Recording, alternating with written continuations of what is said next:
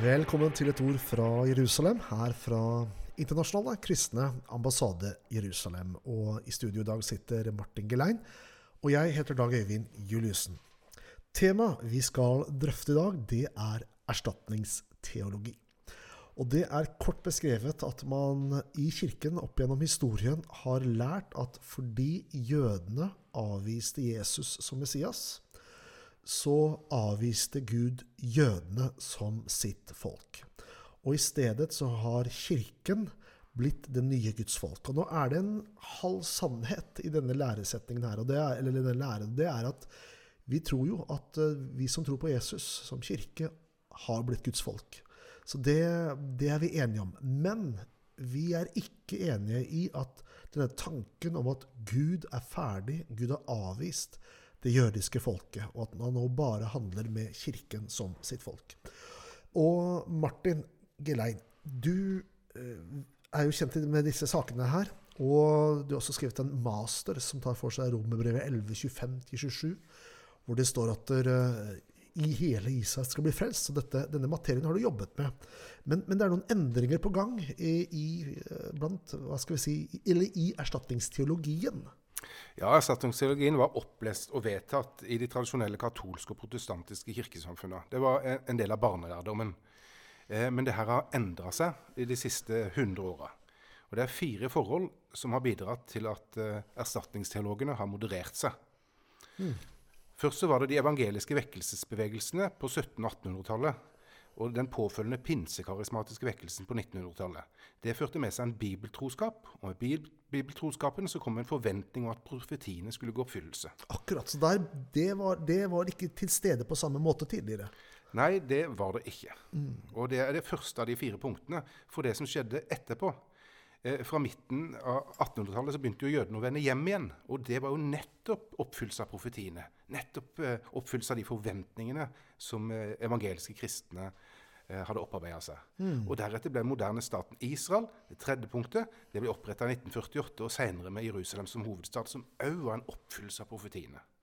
Og så, i nyere tid, har vi sett den messianske bevegelsen vokse fram. Altså flere og flere jøder som kommer i tro på Jesus. Og det er jo òg en oppfyllelse av profetiene. Så det er de fire forholdene som har bidratt til at erstatningsteologene har moderert seg. Riktig kan vi oppsummere med en gang til. Altså den, den vekkelsesbevegelsen som var på 1700-1800-tallet i Europa, mm. Eh, og med bibeltroskap og forankring. Ja. Eh, så var det eh, Hva var det neste Jødene vender hjem. Jødene begynte å vende hjem. Vende hjem. Det skjedde jo på 1800-tallet og utover. Ja, fra 1850-åra og videre. Nettopp. Deretter den moderne staten Israel ble oppretta i 48, med Jerusalem som hovedstad, og til sist den messianske bevegelsen. Til sist den messianske bevegelsen. Og messiansk bevegelse det er jo også at jøder tar imot og, og tror på Jesus som Messias. Ja. Mm. Og den er voksen i våre dager. Ja, det jo, eh, skjer noe helt sensasjonelt og historisk. I dag, eh, Moderate tall viser at det er 30 000 jøder i is, bare i Israel. Det er mange flere internasjonalt, men bare i Israel er det 30 000 som har tatt imot eh, Jesus som Messias. Mm. Og det er mer enn noen gang tidligere i historien. Så det har kommet flere jøder til tro på Jesus de siste 100 åra enn, enn, i de 1900 foregående åra til sammen. Nettopp. Så det skjer parallelt med at jødene kommer tilbake til landet igjen. I, bare i fjor, i 2020, nei, 2021, så kom det jøder tilbake fra 70 ulike nasjoner. Ja. Eller unnskyld, det var kanskje i 2020, det. Nå er det jeg som roter årsskiftet her. Men forleden år ja. så kom det tilbake jøder fra 70 ulike nasjoner som immigrerte tilbake til Israel. Det er jo helt historisk. Det har aldri skjedd med noe annet land. Aldri. Mm. Og så konkret oppfyllelse av profetier. Ikke sant. Dette skal vi snakke mer om, men først skal vi høre på litt musikk.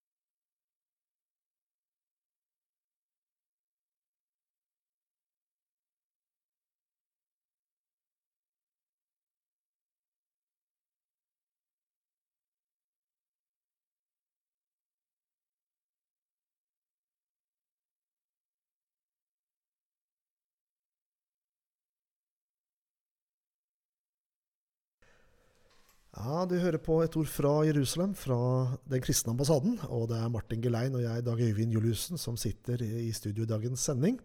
Og temaet vi drøfter, det er erstatningsteologien, som har preget Kirken i nesten 2000 år.